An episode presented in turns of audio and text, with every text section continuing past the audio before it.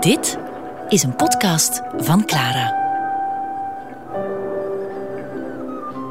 Wat betekent Bauhaus vandaag nog voor ontwerpers? Ik vraag het aan architect-vormgever Vincent van Duizen.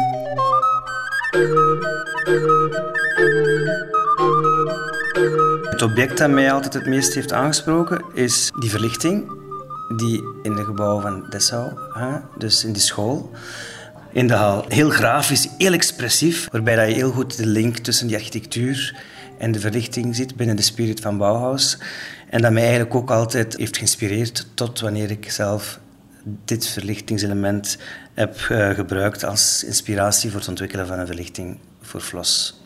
Ik noem het een beetje een transport van buizen. Dus echt effectief de tubulaire was ook altijd heel sterk aanwezig in die uh, architectuur en vooral ook in de vormgeving algemeen van in Bauhaus, die puurheid en ook die link met het uh, industriële, hè, want zij verwezen effectief naar het industriële en ook het eerlijke en het functionele van de vormgeving. En ik vond dat eigenlijk heel boeiend hoe er zo een, een, een tweede layer onder het plafond gecreëerd wordt met een structuur die dus effectief samengesteld is door die buisprofielen en die eigenlijk een, een grafische structuur vormt, driedimensioneel, waarbij dat niet alleen de buizen de transport zijn van elektriciteit, maar ook altijd de verlichtingselementen voeden. En het is eigenlijk een heel speels en heel architecturaal verlichtingselement dat hem voor mij een absolute toegevoegde waarde geeft aan dat gebouw en ook aan die ruimtes uh, van die uh, school in Dessau, waar uh, Groopjes les gaf en nog vele anderen. En waarbij die verlichting dus ontwikkeld werd en ontworpen werd door de studenten.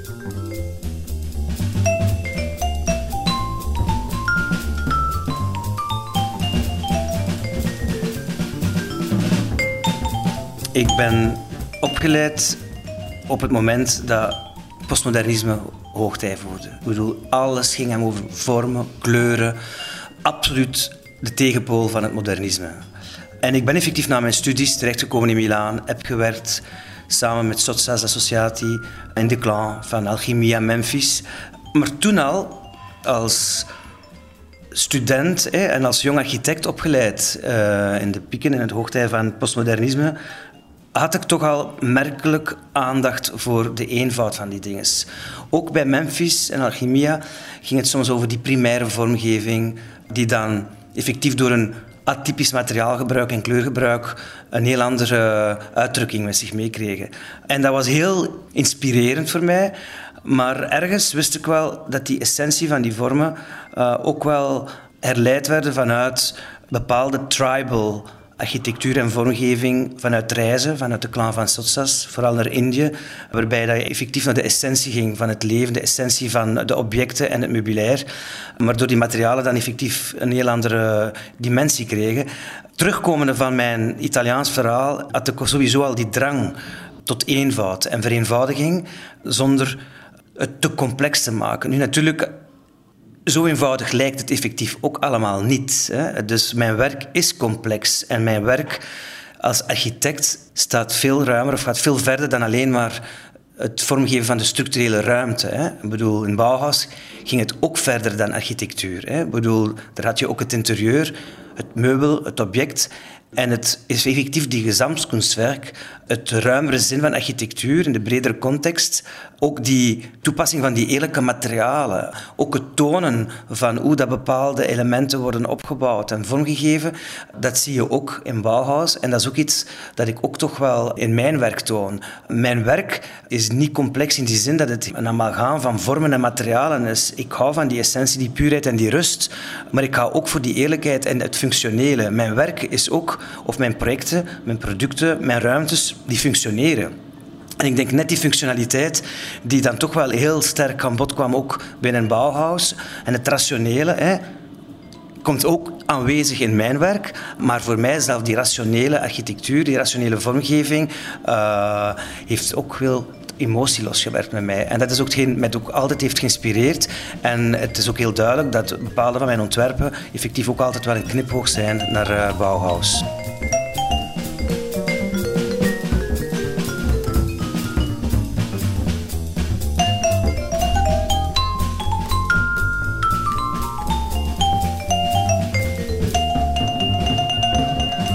Het aanbod van materialen en de techniciteit en de technologieën, het verwerken, het hele mechanische proces, het uitvoerproces, kan je niet vergelijken met de manier hoe dat soms op een ambachtelijke wijze en op een eerlijke manier meubels en objecten in Bauhaus werden vervaardigd.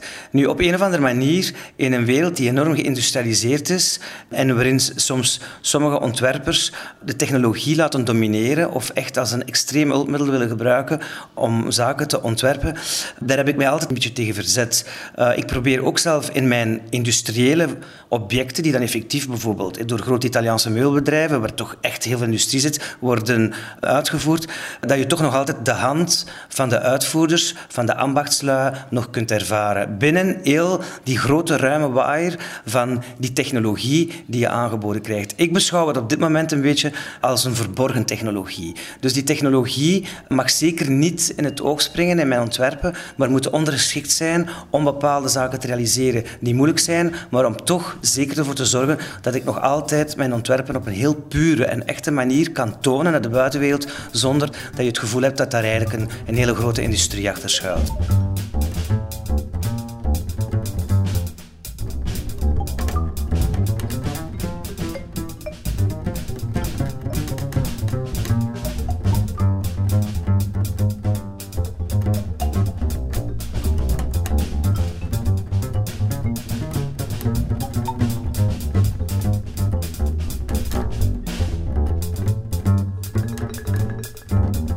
Infrastructure, dat is ook de naam van verlichtingselement dat ik mij laat inspireren door hè, de verlichtingselement door de studenten ontworpen in Dessau.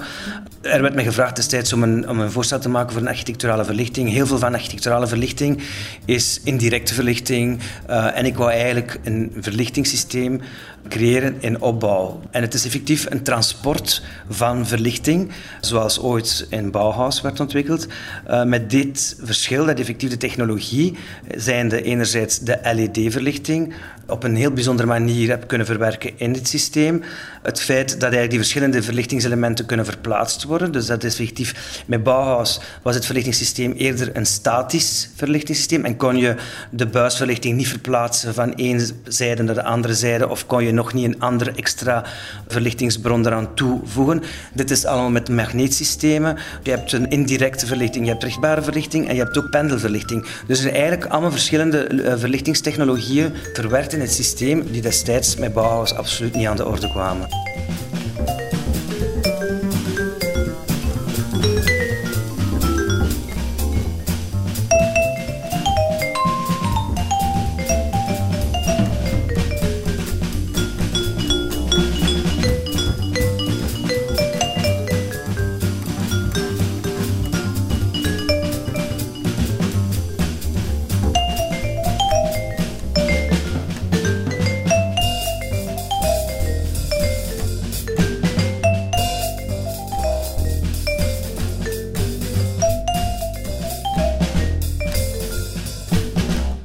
Beschouw mij zeker als een totaalontwerper. En ik ben ook heel vereerd geweest dat ik daar eigenlijk vorig jaar ook een bijzondere prijs heb ontvangen. De Lifetime Achievement Award voor design als architect. Hè? Geen designer als architect. En ik denk dat het ook juist daarom is. Ik bedoel, ik ben een architect die uh, architectuur veel ruimer ziet en een breder perspectief dan meest van mijn collega's de relatie leggen met binnen-buiten is voor mij heel belangrijk. En heel veel mensen hebben mij ook altijd in het begin beschouwd als een interieurarchitect. Uh, terwijl dat voor mij net het interieur en de architectuur onloskoppelbaar van elkaar zijn. En waarbinnen dat blijkt dat eigenlijk mijn uiver, hetgeen dat ik aanbied uh, in mijn projecten, ook heel gevarieerd zijn.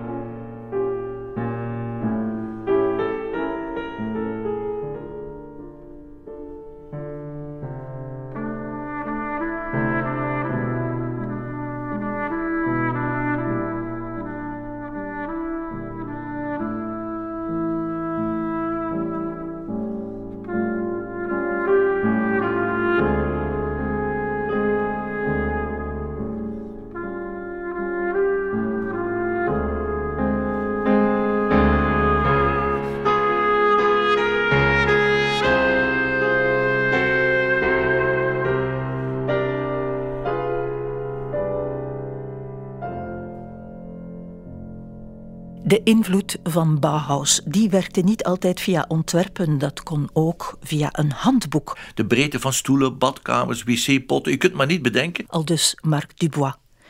Minke Simon Thomas wijst erop dat we de school niet per se moeten associëren met links. Het waren niet 1400 exact gelijkgestemde lieden. En dat Bauhaus niet alleen stond. Hoe dat, dat eigenlijk ook heel hard internationaal verbonden is. Veronique Bonen. Dat werd nog duidelijker toen de internationale congressen over moderne architectuur, SIAM, werden gehouden. De hele avant-garde van Europa was in Brussel aanwezig. Marc Dubois. Leo van Broek heeft het over de fundamentele vragen die Bauhaus zich vandaag zou stellen. Hoe ontwerp je de ruimtelijke aanwezigheid van de menselijke soort op aarde op zo'n manier dat het systeem er niet aan stuk gaat?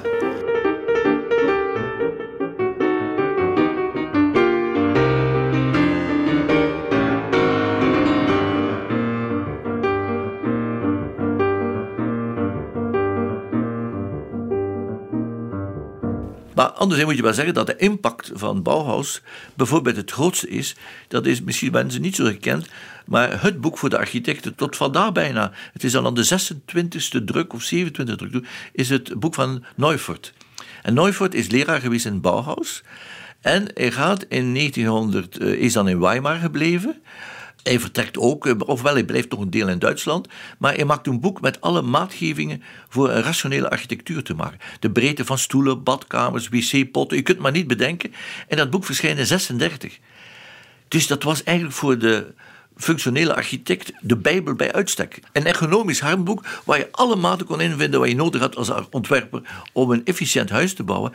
En wie koopt dat? Een van de eerste edities in 36 is Gaston IJsseling in Gent. En we hebben dat bewijs, want het boek zit in het archief van IJsseling. Dus de impact van het Bauhaus, om te zeggen, is bij IJsseling misschien niet zozeer het gebouw, maar een product wat eigenlijk het gevolg is van dat rationaliserend proces. Uh, maar 36, dat is het ogenblik ook dat uh, ja, Hitler aan de macht is. Dus ik wil zeggen, uh, voor veel mensen in de jaren 30 is dat ook nadien een soort zwalpen.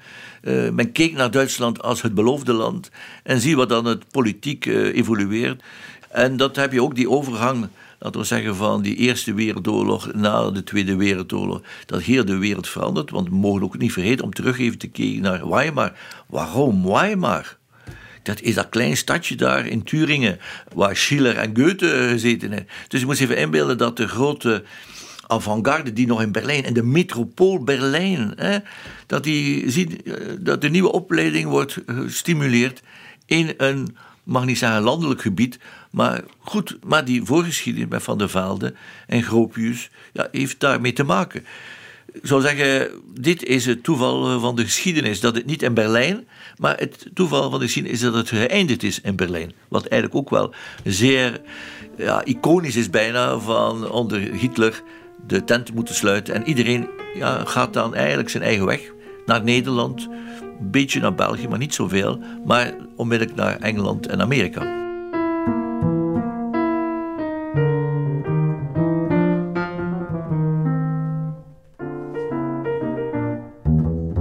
Nee, dat was, dat was eh, niet altijd Amerika en ook niet altijd uh, links of sociaal-democratisch. Er waren ook een aantal bouwhuiselaars die het heel goed konden vinden met het nieuwe naziregime.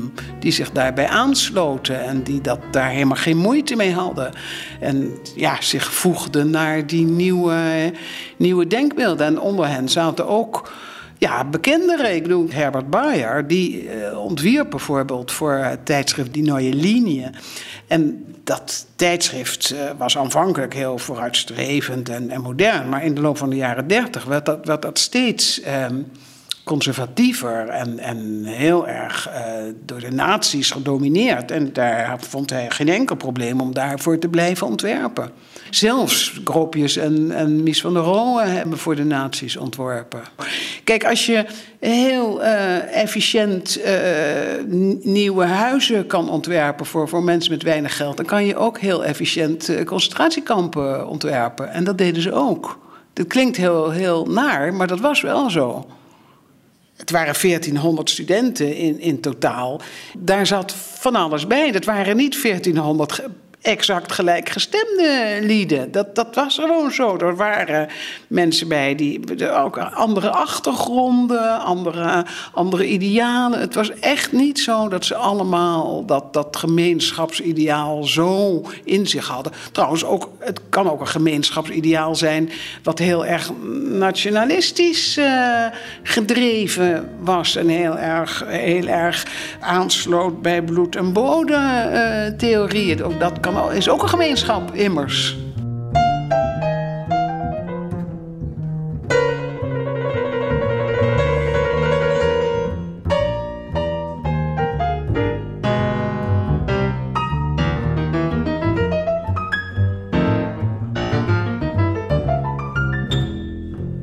Moet even inbeelden in 30, wanneer de grote Siam-congres samenkomt in Brussel. Dan wordt ook de Quebecskeuken getoond. Uh, maar uh, de hele avant-garde van Europa was in Brussel aanwezig. Zelfs Mies van der Rohe uh, staat op de foto, Corbusier, ieder groepjes ook. Uiteindelijk Louis Herman de Koning heeft een uitermate klein uiveren, maar een uitermate fantastisch uiveren. Want het, eigenlijk het enige huis die in 1932 werd getoond in New York in de grote expositie in MoMA over de Europese architectuur, was de woning Langlais van 26 van Louis Herman de Koning.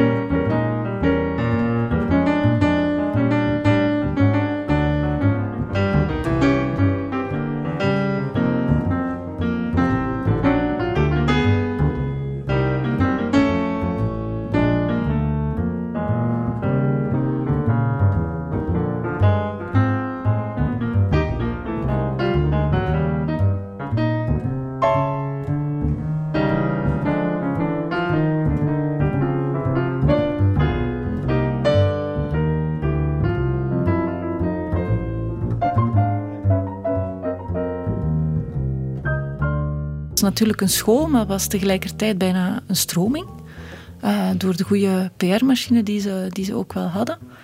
Maar als je dan ziet dat eigenlijk een paar jaar later, dat je dan bijvoorbeeld ook in Frankrijk hebt, Le Corbusier die van architectuur schrijft in 23, die L'Esprit Nouveau ervoor al, al uh, opricht met aux enfants, uh, dan zie je dat het, dat het eigenlijk dat het echt niet als een eiland mag gezien worden, terwijl ze dat misschien wel wilden.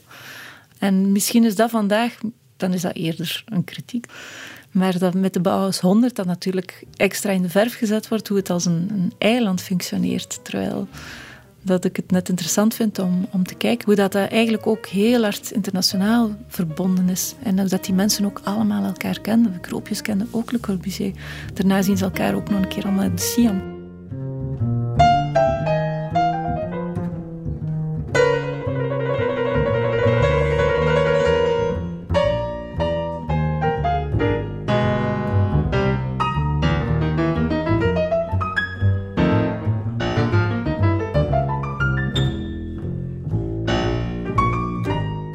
Geloof wel dat uh, die crossover tussen beeldende kunst, architectuur, het niet meer in vakjes zetten, dat dat een deel wordt van onze 20e nu 21ste cultuur. Hè. Zeker eind van de 20e eeuw, dat je uiteindelijk niet meer, eh, je kunt niet aan fotografie doen zonder zich bezig te houden met beeldende kunst. Beeldende kunst sluit aan bij, bij architectuur enzovoort. Dus dat er crossovers zijn tussen verschillende disciplines is iets dat ja, zeer sterk gestimuleerd geweest is, denk ik, door Bauhaus. Dus als je dan bekijkt wat de impact is geweest van de abstracties, ook in uh, de fotografie, de experimentele fotografie. Het, het, experimentele, het stimuleren van wat mogelijk is van de verbeelding, dat dat toch wel de grote erfenis is van het Bauhaus. Uh, dat wil niet zeggen dat er andere vlakken niks gebeurd is, maar uh, wanneer je dan de resultaten ziet van het onderzoek en wat er nu allemaal getoond wordt, van uh, wat studenten gedaan hebben, maar ook wat de professoren allemaal gedaan hebben. Maar het belangrijkste was denk ik ook wel het bij elkaar brengen van mensen. En ik denk dat dat iets is wat Bauhaus zo iconisch gemaakt heeft, dat Gropius als een soort grote goede manager wist wat er aan de hand was. En dat hij Molodjinac uit uh, Rusland gehaald voor de fotografie. Plotseling wordt fotografie een uitermate belangrijk onderdeel van Bauhaus opleiding. Dus de neus hebben om te weten wie wat je moet inzetten. Dat Eton in het begin uh, maar nadien uitgerangeerd wordt voor anderen, voor Alberts enzovoort. Dat is ook gerelateerd tot de tijdsgeest. Eaton was een zeer expressionistische figuur in zijn werk. Dat wordt eigenlijk dan ehm, door de tijdsgeest wel gecorrigeerd door andere docenten die aan te nemen die met andere zaken bezig zijn. En dan moet je wel zeggen dat dat misschien wel de grote kracht is geweest van Bauhaus, van mensen bij elkaar te brengen die absoluut uh, niet op dezelfde lijn zitten, maar uh, de crossovers te laten stimuleren. En dat heeft Hannes Maier misschien dan nog extremer gedaan door het zeer socialistische, zelfs was zeer communistische, alles uh, rationaliseren, nog, nog meer rationaliseren, waardoor het eigenlijk ook niet zo prettig niet meer werd in, in, het Bauhaus. En dan, ja goed, hij is ook moeten ja, weggaan om zijn politieke motieven. Maar uiteindelijk moet je wel zeggen dat Mies heeft te redden wat het te redden viel. Maar uiteindelijk moet je wel zeggen dat dit samenwerking met kunstenaars en architecten, fotografen, dat dat misschien wel de grote impuls is geweest wat Bauhaus ons eh, gebracht heeft.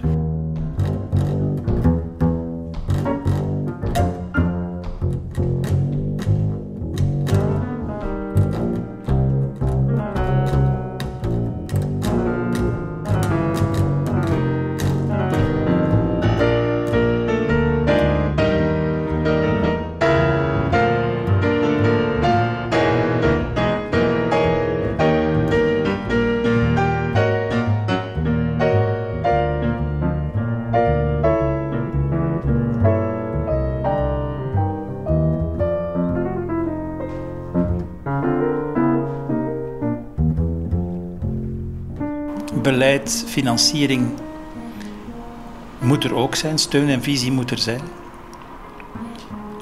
Maar ik vind toch dat we het, het, de maatschappelijke meerwaarde en de, de innovatieve kracht van het ontwerp, als het niet op een stijlsaus, maar op maatschappelijke meerwaarde mikt, systematisch onderschatten. Dat is ook de, taak, denk ik, van 20 jaar bouwmeesterschap. Dat we zeggen, architectuur moet niet mooi zijn, architectuur moet goed zijn. Hey, Buckminster Fuller heeft dat ook altijd gezegd.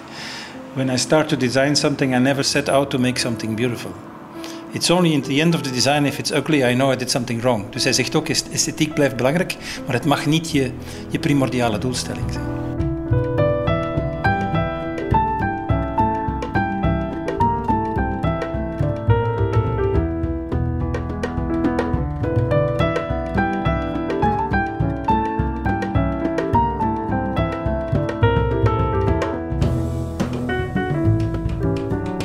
Denk dat dat een van de grootste lessen is die we geleerd hebben uit de ecosysteemcrisis die we nu meemaken. Want ik weiger het een klimaatcrisis te noemen. Het klimaat is een gigantisch probleem, maar is een fout. Klimaatopwarming is de foute naam.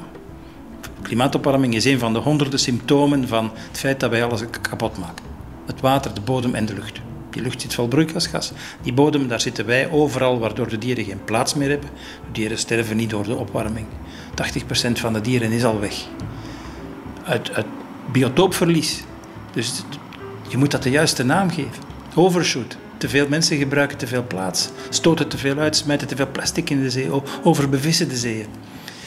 En als je dan beseft dat de mens in zijn expansieve groeidrift op deze planeet de laatste 200, 300 jaar, telkens als er een stukje natuur omgezet is in een voetbalveld, een gebouw, een vliegveld, een fabriek, een landingsbaan, een treinstation. Was het een architect, stedenbouwkundige die en het masterplan en het BPA en het, het, het, gebiedsontwikkelingsdocument en de bouwaanvraag en de architectuurplannen van de gebouwen. Architecten en stedenbouwkundigen zijn de tanden waarmee de mensheid planeet eet. En als wij van de meest schuldige stropers, boswachters worden, worden wij de laatste verdedigingslinie van de open ruimte. Ik denk dat de sector van de ruimtelijke ordening, niet alleen de architect die het gebouw tekent, maar de sector van de ruimtelijke ordening in de breedste zin van het woord, de speerpuntsector is die de sleutels in handen heeft van een duurzame toekomst. En sommigen zeggen, je hebt als bouwmeester te weinig over architectuur gesproken. Ik denk dat ik meer dan elke andere bouwmeester over architectuur gesproken heb door het belang van architectuur op een veel hoger niveau te tillen. En zeggen, als vandaag de hele planeet, de hele natuur zo onder druk komt door ons gedrag, dan wordt architectuur stedenbouw. En dan wordt stedenbouw de vraag Hoe ontwerp je de ruimtelijke aanwezigheid van de menselijke soort op aarde op zo'n manier dat het systeem er niet aan stuk gaat? Dan is architectuur toch wel op een piedestal komen te staan daardoor.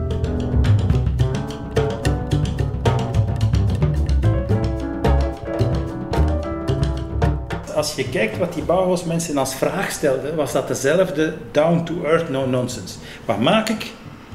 Wat doet dat slecht en wat doet dat goed? En wat kan dat betekenen voor de mens? En dat zijn we aan het, aan terug ontdekken dat als we die vraag vergeten te stellen, dat eerder boven de verbloemen is ingedraaid.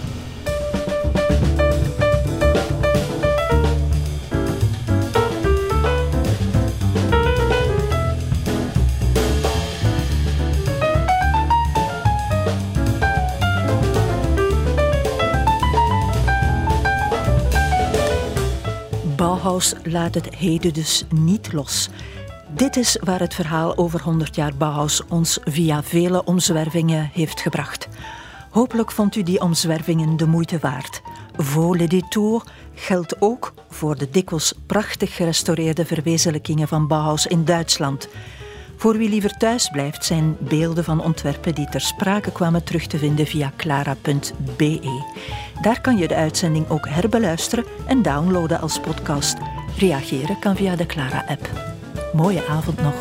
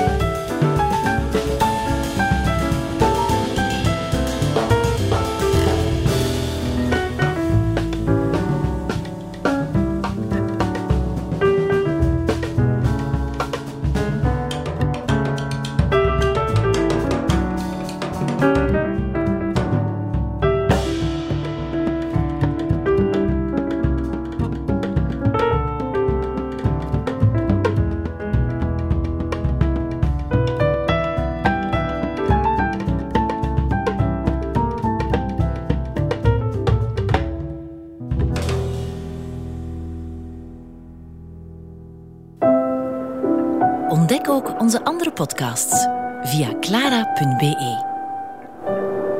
Clara Podcast. Blijf verwonderd.